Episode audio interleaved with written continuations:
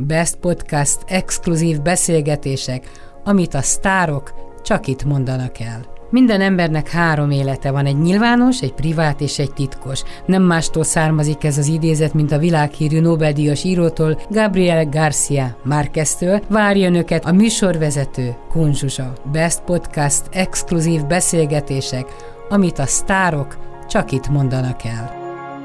Kálmán Olgát sok-sok szeretettel köszöntöm. Most már úgy, mint politikus, mert hogy úgy tudom, hogy beléptél a, a DK-ba. Igen, úgy, mint politikus. Olyan fura ezt kimondani, mert még kevesen kérdeztek rá, kevésszer válaszoltam, de mindig ilyen nagyon büszként, egy jó esőérzéssel, amit megmondom őszintén egy pár évvel ezelőtt még nem gondoltam volna. De most annyira most volt itt az ideje a váltásnak, és annyira a jelenben is érzem, hogy, hogy jókor is jó minőségű váltást hajtottam nem, végre. Nem úgy nőttél föl? Mondjuk én nálad jóval idősebb vagyok, de mondjuk nekem az anyukámék, akik megélték a háborút, másodikat, az 56-ot, mindig azt mondták nekem, főleg mikor az úttörő mozgalomban, meg a kizben beszálltam, hogy jaj kislányom, csak ne politizálj, abból mindig csak baj lehet, ne politizálj. És azért rengeteg embernél hallom a szülőknél, nagyszülőknél ugyanezt az óvintézkedést.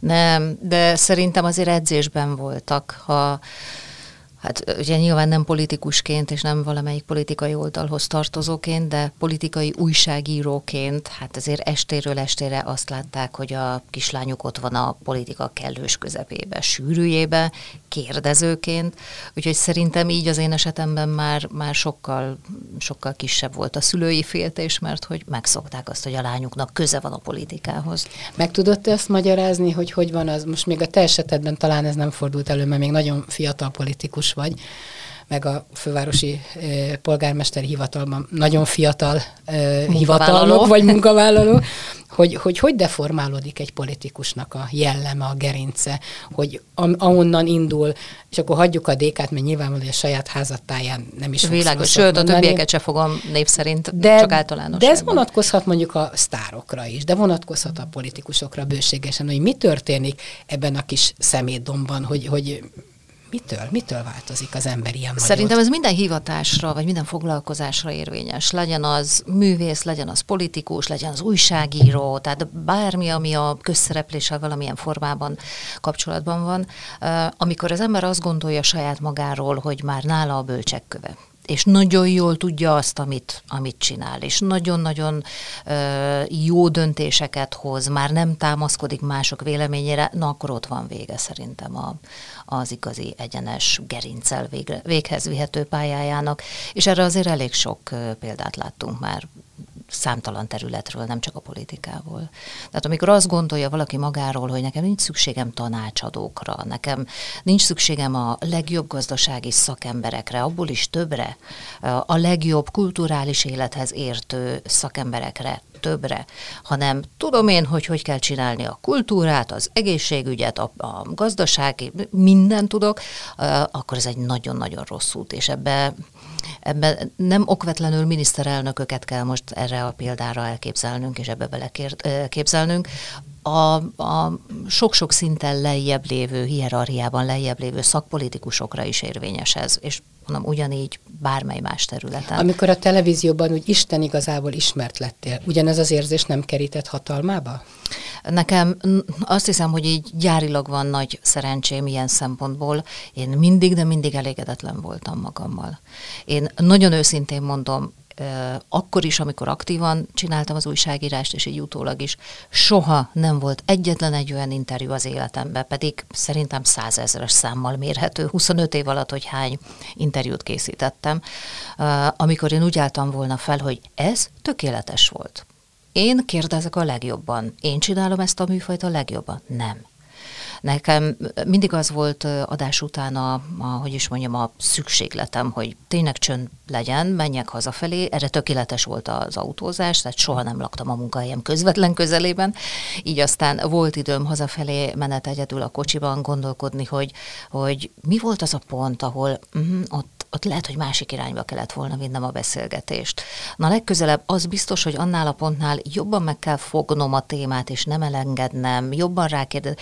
Ez minden egyes alkalommal, és ezek nem csak az úgymond sztár interjúk, amikor valami nagy ember jött be hozzám a stúdióba. Teljesen mindegy, hogy, hogy ki volt az, maga a beszélgetés volt a lényeg, amit minden egyes alkalommal és minden adás után átgondoltam. És ez nem, nem kellett az, hogy én visszanézem, ezt nagyon sokan kérdezték tőlem az elmúlt években, hogy visszanézem-e saját magamat. Mondtam, hogy miért? Hát én pontosan emlékszem a, a, a műsor minden másodpercére, hogy mit kérdeztem, mit válaszoltak, tehát hogy nem arra volt szükségem, hogy most nézzem, hogy néztünk ki a képernyőn, jól állt a frizurám vagy a öltözékem, hanem a tartalom átgondolására volt szükségem. Az viszont hiánytalanul minden egyes adás után megtörtént. Talán emlékszel rá jó pár évvel ezelőtt, amikor kérdező voltál, megkérdeztem, hogy alapvetően mihez értesz, és akkor elmondtad, hogy te alaposan felkészülsz, és uh-huh. te kérdezni jól tudsz. De most, mint tanácsadó, mihez értesz? A, a főtanácsadó itt szerintem Bocsánat, egy... akkor főtanácsadó. Ne, nem, teljesen, jó, nem azért mondtam. Tanácsadó, főtanácsadó, de teljesen mindegy, hogy mi van a munkaszerződéseire. Uh, itt uh, nem is azt mondom, hogy teljesen cél nélküli félreértés alakult ki, inkább azt mondom, hogy irányított, szándékos félremagyarázás. Szóval a tanácsadó, vagy főtanácsadó ebben a világban uh, nem arról szól, hogy otthon ül, és akkor néha beüzen, hogy az a jó tanácsom, hogy, és kérem, hova adhatom le a számlát.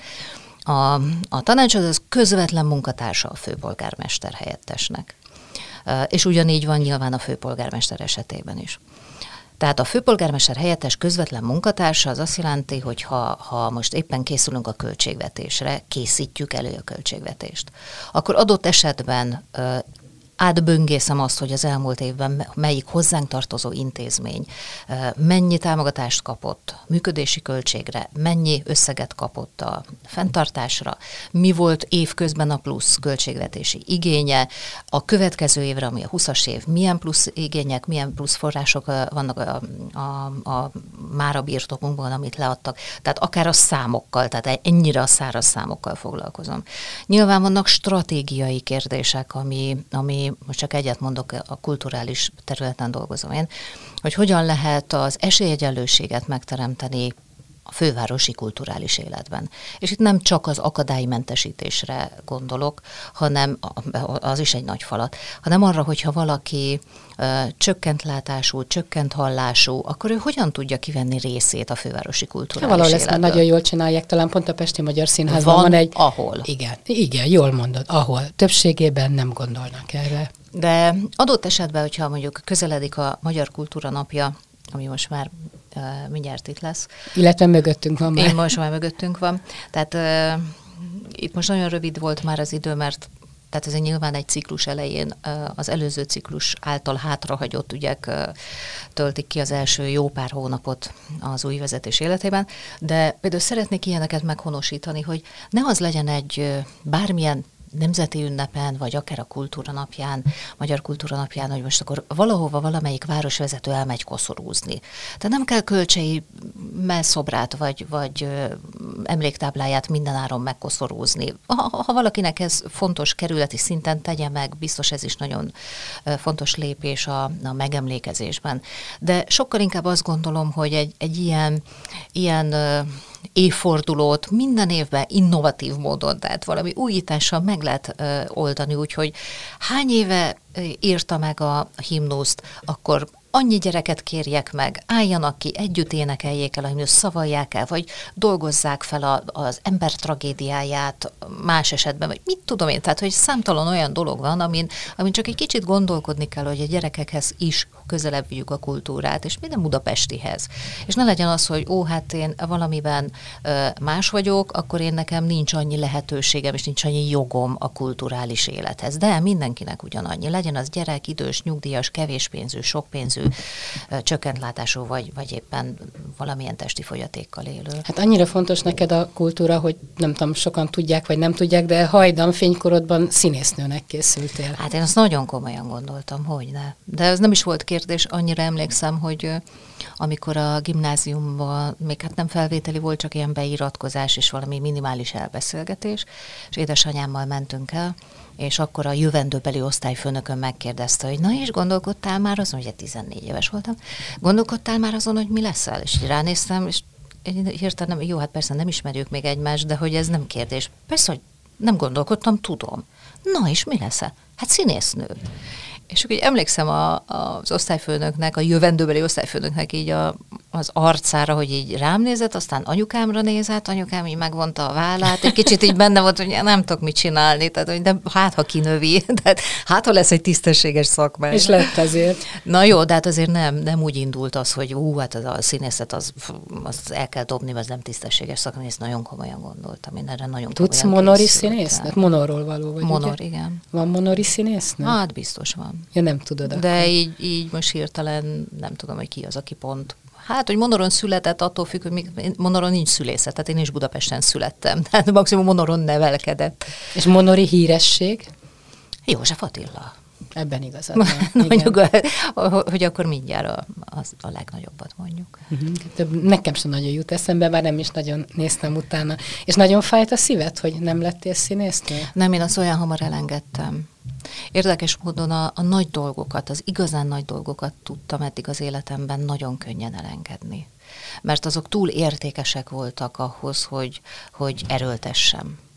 Tehát, hogyha valamit úgy fogsz fel, hogy ez neked az életed értelme, az életed célja, és hogyha ha a legkisebb jelzés jön, hogy ez nem az, ez, ebből soha nem lesz az, mint amit te elképzeltél, amiért küzdöttél, egy másodperc tört része alatt el tudom engedni. Pont azért, hogy ez az álom, ez a valaminek a nagyon nagy szeretete, becsülete, becsülése, az ne sérüljön. Hallottalak viszont énekelni. Volt egy olyan ATV-s közös karácsonyi éneklés, te a jó hangúak közé tartoztál, és akkor nem mondom, hogy kikkel énekeltél, de azért a zenéhez is volt közöd. Hogyne, hogyne, hogyne. Én, én nagyon sokáig és nagyon komolyan néptalénekesnek is tartottam magamat, mert konkrétan az voltam. Tehát gimnáziumban én, hát nem volt olyan seregszemle országos fórum, ahol én ne indultam volna, mint népdalénekes, és egyik évben Pest megye népdalénekese voltam, tehát az első számú és mi van, ha most otthon dalra fakadsz, akkor a kis családod kimenekül nagyon, vagy? Jaj, nem, nem menekül ki. Ez nagyon sűrűn előfordul. Szerintem nincs olyan nap, hogy ne énekelnék. Melyik a kedvenc népdalod? Ne, á, nincs ilyen. Olyan nincs Hát rengeteg népdal tudok rengeteg népdalt. Nagyon kevesen tudnak már népdalokat, ami nekem úgy kicsit fáj, mert hogy az úttörő mozgalomból jöttem, a tábortűz és a közös éneklés, ne hogy Isten, még valakinek gitárja is van, amit elővesz, abban minden lány szerelmes volt, ha ez fiú volt. Hát én lányként műveltem ezt, lányként, gitároztam, igen. És tudtunk mit énekelni. Ma mm. meg a telefonról jön a dal. Tehát ez ja, a... igen, benyomok valamit, igen, a a telefonomról. Persze, hát ennek, ennek nagyon nagy hangulata van, és ez nálunk, ez, ez komoly most is. Tehát a közös éneklés, annak idején a lányomat is erre tanítottam, mi ketten nagyon sokat énekeltünk együtt, most már ezért kevésbé énekelget velem. A kocsiba azért néha szoktunk, de a kisfiam, ő, ő most még abszolút abban a korszakban van, hogy a, az éneklés, nagyon sokáig a mi kettőnk közös nyelve az ének volt a kisfiammal, de miért nem tudott, későn tanult meg beszélni? Igen, vagy? ő későn beszélt, és nagyon sokáig mi abszolút hangok nélkül éltünk, és kizárólag a, az éneklés volt az, ami a közös nyelvünk volt. De ez olyan, olyan szinten volt komoly az ők is világában is, hogy senki más nem énekelhetett neki, és ebből, ebből voltak is ilyen furcsa helyzeteink, hogy óvodában, ha az óvónéni, a dadus néni énekelt a gyerekeknek, akkor, akkor oda szaladt, és így oda tette a kezét az óvónéni szája elé, hogy ezt, hogy ezt most hagyja. Ő nem, ő nem énekelhet lehet énekelni, csak az anya énekel. És mi volt az oka, hogy későn és hány évesen szólalt meg úgy mondatokban? Hát a, a fiúk ilyenek. A fiúk ilyenek. Az én unokám három évesen, de nem is magától, hanem van egy ilyen beszéd indító tréning, uh-huh. és ott szólalt meg, de onnantól kezdve folyamatosan. Persze, hát ezt nem bepótolják a gyerekek. Igen.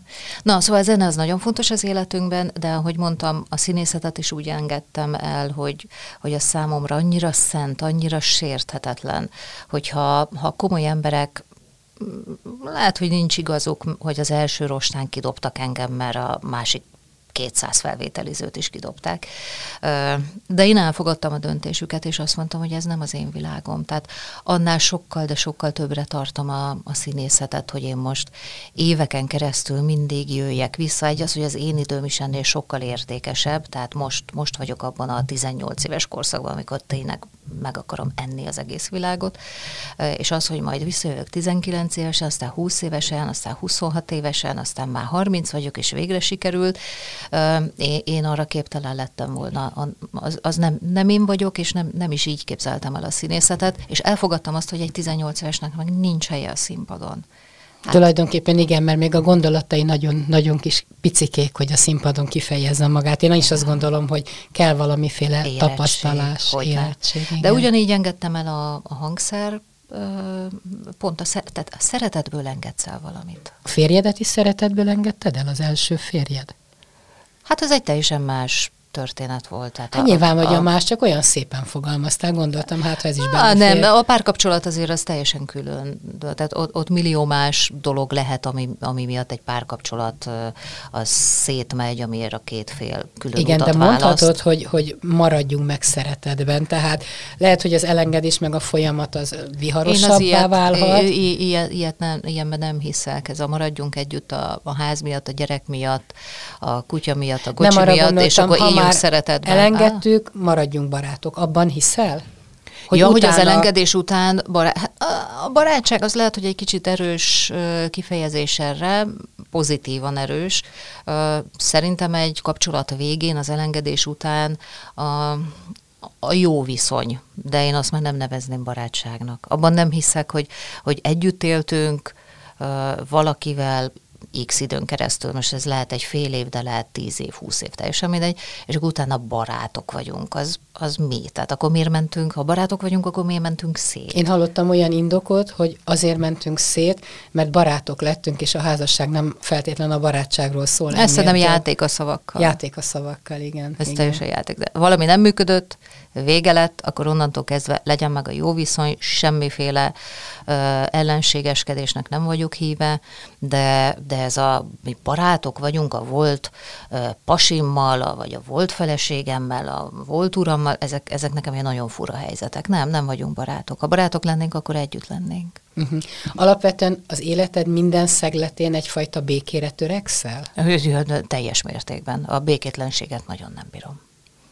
Ez azért érdekes, mert én sok-sok békétlenséget látok, és mindig uh-huh. azt mondom, hogy az ember legyen annyira önző, mert én is akkor érzem jól magam, ha békében Béka. élhetek, ha nem utálkozom, gyűlölködöm, uh-huh. hanem alapvetően szeretem, ha valakit nem szeretek, akkor kész, uh-huh. akkor nincsen, vagy elengedem, vagy volt. De hogy, hogy ezt az állapotot megtartani, megteremteni nem olyan nagyon nehéz. Mármint a... A békés állapot. A békés hogy állapotot. te is jól nehéz? érezd magad ebben. Igen. Nem nehéz megteremteni? Igen, igen.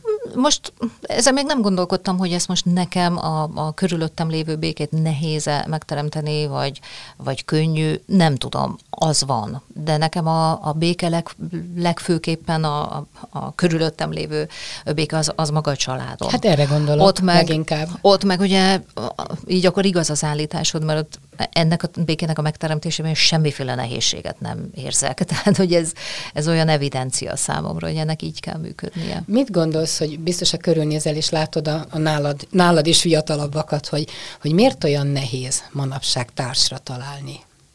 Mindenki keresi a másik felét, és vagy nincs, vagy elmegy mellette. Nem lehet, hogy csak azt mondjuk, hogy manapság nehéz társat találni, és egyébként pont így volt ez 10-20-50 vagy 200 hát évvel ezelőtt. Nem, mert is. akkor a szülők megbeszélték, és tudták, hogy a kettő illik egymáshoz. Ja, és akkor ez a meg társ a vagyon volt. is illik Hát egy... szerintem akkor a, a, még nehezebb volt, a, a földek egyesítése céljából találták meg a szülők a társat valakinek, hát az milyen társ találás, hát ezt nem nevezném annak.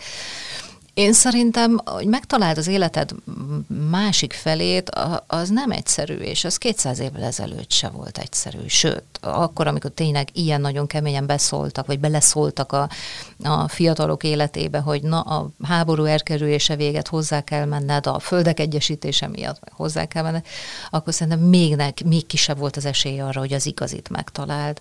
Ez nem egy egyszerű dolog. A lányod mit mond erről? Hát az ő korosztálya kínlódik, vagy nem kínlódik. Szerinted mi gondolkodtunk azon, amikor ilyen 20 évesek voltunk, hogy most nehéz a párválasztás, vagy sem? Nem.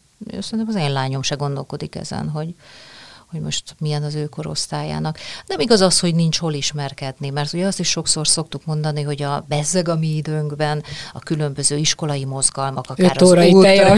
öt órai tea, tánchaz, vagy nem tudom mi. Tánciskola. Meg tánciskola. Én abban nem jártam, de táncházba igen, mert nem csak népdalénekes voltam, nép táncoltam is nagyon intenzíven. Szóval, hogy, hogy voltak ilyen lehetőségek, ahol, ahol köttettek barátságok, aztán alakultak szerelemmé. De hát ez most is megvan. Maximum nem a mi ízlésvilágunk, vagy a mi korosztályunknak való az, hogy egy technozene örjöngő hangereje közepette barátkozzam össze valakivel, egy kicsit nehézkesnek tartom ugye a másik fél komoly megismerését, miközben a saját hangomat sem hallom, nem hogy az övét. Szóval, hogy a, a különböző szituációk változtak, de egyébként nem igaz az, hogy most, amióta nincs ilyen vagy olyan iskolai mozgalom vagy táncház, akkor nem lehet ismerkedni. Tehát a te szádat nem hagyja ez, az a mondat el, hogy bezzeg az én időmben. Nem, maximum hülyéskedés címszóval, tehát hogyha valami, ha ezt a mondatot mondom, akkor hűlök. Az hogy működik, hogy te nagyon-nagyon hosszú ideig a férjeddel dolgoztál együtt, aztán most külön váltak útjaitok? Váltak már a, a, az eddig életünkbe is külön az útjaink, mert mikor kisfiunk megszületett, akkor a férjem épp a Magyar Televízióhoz került, akkor én utána fél év kihagyás után visszamentem az ATV-hez, ő még maradt az MTV-nél, aztán utána ő is visszajött a, az ATV-hez egy kicsit. Tehát mi szaladgáltunk így ide-oda. De ilyen gyökeres változás nem volt. Te nappal dolgozol, a gyökeres, hivatalnok vagy. A gyökeres változás ez, ez, ez, ez az életemben. Megmondom őszintén, hogy ezt nem, nem gondoltam volna. Mindig, amikor benne vagy valamiben, és ráadásul szeretettel csinálod, tényleg szeretettel csináltam az újságíró hivatást. Akkor nem gondolkozol azon, hogy jaj, most nekem miért ekkor kell mennem, vagy ekkor kell hazajönni, másnak milyen jó lehet, hogyha négykor itt van. Egyszer nem fordult meg a fejemben, és soha nem voltam elégedetlen a helyzettel. Nyilván kellett ehhez a családnak a támogatása is, hogy az élet ritmusunkat azt be tudjuk állítani. Aztán most, amikor ennek vége lett, így 25 év után ennek az igazi rohangálós éjjel-nappal bármikor bármival mozdulni kell című újságíró életnek, így most érzem azt, hogy ú, hát azért sokkal nyugodtabbak az esték. Tehát, hogy van abban valami valószínűleg, hogy, hogy az, azért az egy egész szerencsés helyzet, hogyha minden este egy anyuka otthon van. Gondolom a gyerekek, vagy főleg a fiad, mert hát már Persze. csak ő lakik otthon, ugyanezt mondja. Mikor döntöttél, hogy elvállalod ezt a főtanácsadói beosztást? Előkerült a kockás papír, hogy... Szerinted? Szerintem hát igen. persze. Hogy mi az előnye, mi hát a hátránya? Persze, persze. De most egy kicsit könnyebb volt, és kevesebb dolog került a kockás papírra. A kockás papírt akkor írtam nagyon tele, amikor e, júniusban egy ilyen nagyon rövid határidőn belül döntenem kellett, hogy akkor most belevágok, elvállalom a főpolgármester jelölti szerepet az előválasztásra, vagy sem. Na, akkor teltek ott a sorok a kockáspapíron. Aztán, amikor az előválasztásnak vége volt, és, és akkor nagyon na- nagyon könnyen tudtam dönteni, hogy ez, ez a terep, ahol én szeretnék maradni. Szerinted jó polgármester lettél volna, főpolgármester? Hát most erre mit mondjak? Ne, nem, azért indultam, mert akkor is és most is meg voltam róla győződve, hogy én lennek a világon a leggyatrább főpolgármester. Persze, hát én ezt nagyon komolyan gondoltam, de most már ezen így utólag nincs mit gondolkodni. Hogy, hogy viseled, ha bántanak? Mert akkor azért kaptál hideget, meleget, amikor... Ja, előtte is. Hát előtte. ez a hírtévés időszak óta És nem fáj? egyfolytában. De ez annyira, annyira nevetséges, erre már, már nem tudok mit mondani. Tehát ez a szint, ez már tényleg nevetséges, de sírni valóan nevetséges. Tehát erre nem is jó a tragikomédia, mert, mert nem komikus. Tudod, Tehát Eszterházi mondta, hogy van az a szint, ami alá már a, nem, nem. Pontosan. Igen. Ez bőven az a szint. Tehát ami, ami egyáltalán fel tud dühíteni ebben a lakály média világban, az az, hogy magát a szakmát, az újságíró szakmát teszik tönkre, gyalázzák meg. Mert ugye ez nem az. Tehát ennek, ennek semmi köze nincs az újságíráshoz. Most a újságíráshoz semmi közük társaságnak parancsszóra leírt betűi, sorai, azok engem idegesítsenek fel ez szó nem lehet róla. Tehát... Te tényleg ennyire nyugodt vagy az élet minden területén? Szerintem igen. Ez egy ilyen nagyon furcsa, valószínű, hogy a kromoszómákban van valami, mert egyébként nyugodt vagyok, hát a, a 25 éves munkám meg is követelte az, hogy nincs, nincs kapkodás a stúdióban, bármikor bármi lehet, a vendég is mondhat bármikor bármit, kerülhetek olyan szituációban, a örök példa, hogy leeshet egy lámpa, akkor se áll meg az adás. Szóval ottan, ottan különböző válsághelyzeteket is ke- kezelni kell, és ezt nem lehet máshogy csak nyugodtan. Egy vitás szituációból mindig az jön ki győztesen, aki a nyugalmát megőrzi. És ezt a fajta nyugalmat én ezt úgy tudom produkálni, hogy közben én alapjáraton 3000-rel pörgök. De tényleg. Tehát, hogy közben a belsőm, az, az agyam, a lelkem, a, a mentalitásom, az valami iszonyatosan fel. Tehát nekem tényleg mindig a fejem tetején jön ki az adrenalin, miközben a nyugodtságot, de nem, nem is azt mondom, hogy kell, mert van, biztosítanom. Ehhez tartozik még így fiziológiailag, hogy, hogy nekem az átlag testhőmérsékletem az, az picivel van 35 fölött. Majdnem kihűlsz. Igen, tehát általában ez szokott lenni. Úgyhogy én azt És a vérnyomásod? Hát, az, az van, amikor 110, de inkább ilyen 90. Akkor jókat alszol, nem? Nem, hát én nem. Nem, á. egy 90-es vérnyomással ülve alszik az nem, ember. Nem, nem, nem, nem. Nem. Tehát ez, ez a testemhez tartozó, tehát nem kórosan lecsökkent, ami miatt elaludnék. Á, nem, nem, nem.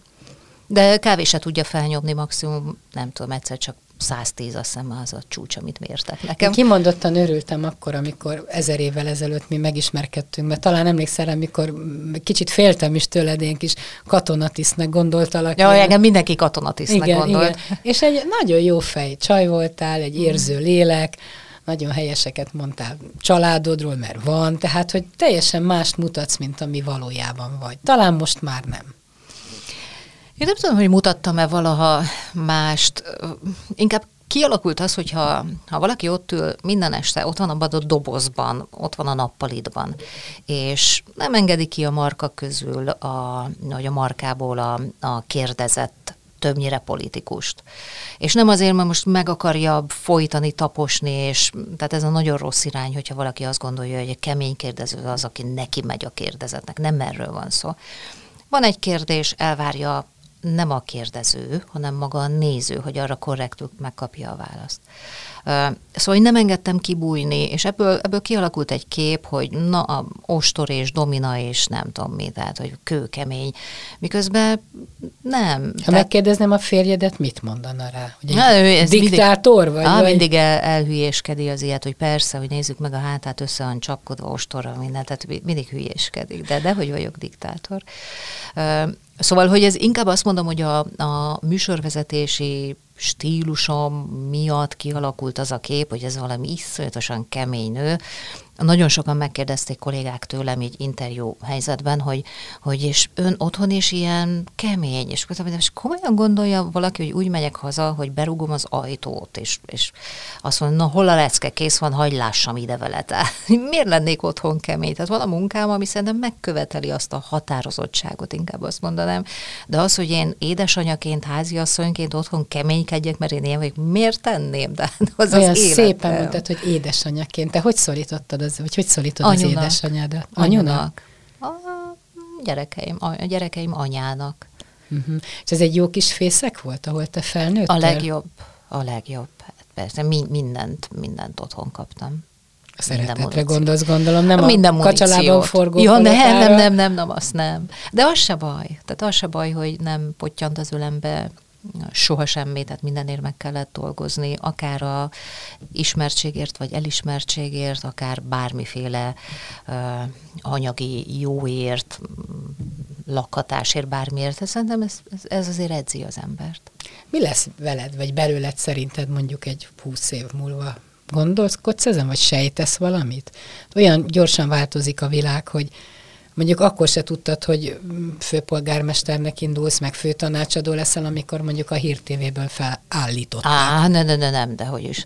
Sőt, hát a hírtévés felállítás után ugye többször megkerestek a főpolgármester jelöltségi ötlettel, én ezt mindig határozottan visszautasítottam, de hát, hogy ez nem volt egy ilyen előre elhatározott dolog, sőt, ahogy mondtam, inkább elfordultam én ettől a lehetőségtől.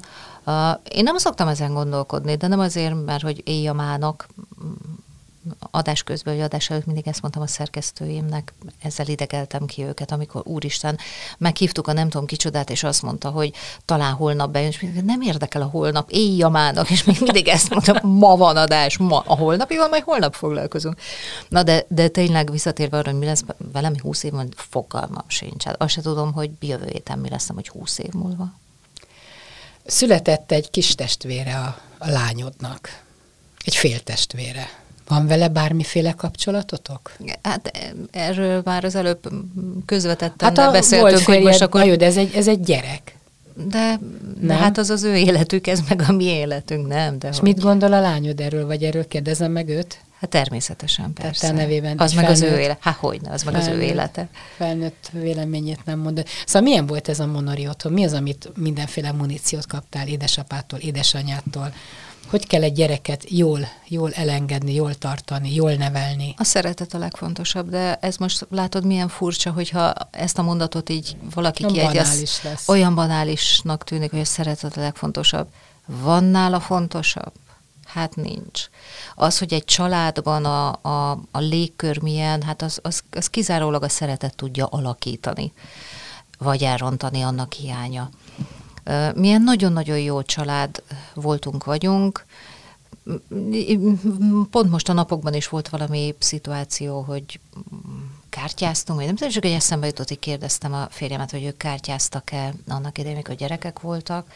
Mondta, hogy nem. És mondta, meg, meg milyen sokat, és milyen nagy rihegés, röhögés volt, hogyha mint apukám megpróbált csalni, de így viccből, hogy akkor most észrevesszük-e, és akkor mi, ú, jaj, láttuk, eltette a lapot, és nagyon, nagyon viccesen fellázadtunk. Tehát mi csomószor kártyáztunk, vagy társasjátékoztunk a családdal, és ezek ilyen apró dolgoknak tűnnek, de milyen eszméletlenül fontos az, hogy leülj, vagy, vagy ilyen, ez is valami miatt talán így a karácsony közelsége miatt jutott ez is eszembe, hogy nemrég emlegettük, hogy, hogy ilyen apró dolgok is annyira megmaradtak bennem, hogy, hogy valami filmet nézett a család a televízióban, hát akkor még nyilván sokkal kisebb volt a kínálat. Bezzeg a mi időnkben, ahogy kérdezted, az előbb is szoktam emlegetni, és mondtam, hogy csak viccesen. És például anyukám pucolt almát, és akkor behozta, és mi soha nem étkeztünk a, a szobában, tehát az csak a konyhában. De hogy filmnézés közben almát rákcsálhattunk, annak volt egy olyan ünnepi hangulata, hogy hú, a szobában rákcsálunk, és nem úgy, mint most, hogy szanaszét minden, mint csípszes zacskó. Szóval, hogy alma volt, és akkor együtt tévéztünk, és ennek volt egy olyan plusz hangulata. De a filmre nem emlékszem, nem az volt a lényeg, hanem hogy ott vagyunk négyen, pucoltalma, jó hangulat, tehát hogy ilyen apró dolgokkal is meg lehet határozni egy gyereknek örökre az életét. Én például arra emlékszem, hogy nekünk volt először tévénk, ez egy bérház volt, és az egész ház oda járt a kis sámliával tévét nézni. Mi gyerekek már délután négykor beültünk, hogy az első sorban Sorba kapjatok helyet és jöttek a süket nénik, süket bácsik 80 plusszal, és semmit nem hallottak, és végig veszekedés volt, hogy mit mondott, nem hallottam, mit mondott. De olyan hihetetlen közösség ereje volt, Igen. meg formáló ereje volt a tévének, nem úgy, mint most, hogy mindenki a saját szobájában nézi a tévét. Hát ebben már nekem sem volt részem, tehát a, amikor én kisgyerek voltam, akkor már azért minden, minden családnál volt. volt televízió, de, de mondom, a közös, akár egy, egy egyszerű filmnek a megtekintése, egy ilyen hangulat megteremtése, akár egy nevetéssel teli kártya vagy társasjáték, akár azok a szituációk, amikor valami fontos dolog volt a, a család életében. Például mi gyerekként mindig be voltunk avatva abba, hogy most a család mire készül ugye annak idején mi még emlékszünk rá, hogy az autókat azt ugye le kellett adni az igénylést, aztán valami 5-10-15 év múlva a Merkurból jött az értesítés, hogy el lehet menni az autóért, vagy majd a következő 5 évre előirányozta. Szóval az, hogy a, amikor a család az első ilyen igénylését beadta, hogy, hogy egy autónk lesz, azt, azt velünk kisgyerekekkel is megbeszélték a szüleink. Tehát ilyen fontos dolgoknál mi mindig ott ültünk a konyhaasztalnál, és akkor ezt, ezt velünk mindig megosztották a szülők. Egy testvéred van, ugye? Igen, egy bátyám. És ő mit csinál? Mi lett belőle? Pilóta. Ja, igen, igen. De és mit szólt a fiat, hogy se pilótának nem mentél, se buszsofőrnek? Ez volt az álma, Ez amikor... volt az egyik álma, igen. Még azért néha, néha, néha szokott kérdezősködni, hogy akkor biztos nem. Tehát, hogy ezt a, egyre ezt a, rosszabb, ezt a BKV-t azt nem, tehát, hogy egyre rosszabb, amit, hogy nem, ez nagyon érdekes volt, hogy a, a fiamat az valahogy így beszippantotta a, a politikai légkör az európai parlamenti választás idején. E, ez volt az első olyan választás, amikor ő ilyen nagyon rákattan. Tehát egy párat már azért végigcsinált így a mama mellett, tehát hogy tudta, hogy most több a munka, most ez van, mindig el is magyaráztuk, hogy ez most miről szól. De ez az EP választás volt az, amikor ő, ő túl sokat, vagy sokkal többet kérdezett már, akár a jelöltekről, akár hogy ki mit akar, most miről szól ez a választás, tehát hogy most már ilyen, ilyen nagyon kis ön, öntudatára ébredt, valószínűleg ehhez hozzájárul az is, hogy Waldorfos gyerekünk van. Ez a nyitott szemlélet. Nagyon nyitott szemléletű az mi lesz a Waldorfokkal? Hát őszintén Meg, meg mi lesz a, az alternatív iskolákkal? Most mindjárt csak Jó, bocsánat, belepotyogtam, igen. Nem, nem, nem, az nem baj. Na, szóval, hogy, hogy ez, a, ez az EP Váz, ez a május így valahogy beszippantotta a gyereket is, tehát ilyen kis aktivista élete lett hirtelenjébe, tehát így szóba hozta a politikát, ő akart róla beszélni, és, és akkor egy nagyon-nagyon támogató volt, amikor kiderült, hogy anya is itt kacérkodik a politikával. A legnagyobb támogatóm az a családom volt. Tehát ők, én még, még mindig vaciláltam, hogy igen, nem, vagy hogy, és akkor mi lesz kérdés nem volt se a férjem, se a két gyerek fejébe, hogy ezt nekem szabad vagy nem szabad. Nagyon határozottan azt mondták, hogy ez a te pályád anya csinált. Hát kíváncsi vagyok, mondjuk, ha egy év múlva beszélgetünk, akkor, akkor miket mondasz, meg milyen eredményekről tudsz beszámolni, Fogalmam mert most még korai, hogy ilyen. Hát most még abszolút korai, min, min, minden korai. Nagyon nagy iskola nekem, tehát maga a fővárosi önkormányzati lét, ahol, a, ami ugye a mindennapi munkahelyem, amit ott látok, tanulok, szívok magamba plusz információkat, hogy hogyan működik egy ilyen nagy gyár, egy ilyen hivatal, Említettem a költségvetés előkészítését, de, de hát számtalan, tehát a kulturális életben, hogy majd milyen mm, pályázatokat írunk ki, mi lesz az intézményeinkkel. Hát ugye hozzánk tartoznak a közgyűjtemények, a turizmus, a sport, a kultúra, a zene, tehát iszonyú sok terület. Szóval még egy mondat a Waldorfról. A Waldorfokról és az alternatívokról. Hát a főváros ugye az oktatás és az egészségügyi intézményeit elveszítette, tehát maradt a falfestés és állagmegóvás. Tehát a tartalmi részben nem szólhatunk bele. Nyilván már most is például az, a közoktatásban számtalan olyan olyan programja van, eddig is volt a, a fővárosnak, ami az iskolakapunk kívüli programokat támogatja, hogy legalább ennyivel tudjuk a fővárosi oktatást támogatni, hogy, hogy különböző pénz összegekkel a, a iskolán kívüli programjait megtámogatjuk az intézményeknek. De az, hogy az alternatívokkal a kormány mit tervez és mit csinál, hát sajnos az mind kormány hatáskör. Abban szerintem állampolgárként, és nem fővárosi politikusként van nem jogunk, hanem kötelességünk beleszólni. Állampolgárként viszont kötelező. Köszönöm szépen Kálmán Olgának, hogy itt volt. Én is köszönöm. Best Podcast exkluzív beszélgetések, amit a sztárok csak itt mondanak el. Minden embernek három élete van, egy nyilvános, egy privát és egy titkos. Nem mástól származik ez az idézet, mint a világhírű Nobel-díjas írótól, Gabriel Garcia Márqueztől. Várja önöket a műsorvezető Kunzsuzsa. Best Podcast exkluzív beszélgetések, amit a sztárok csak itt mondanak el.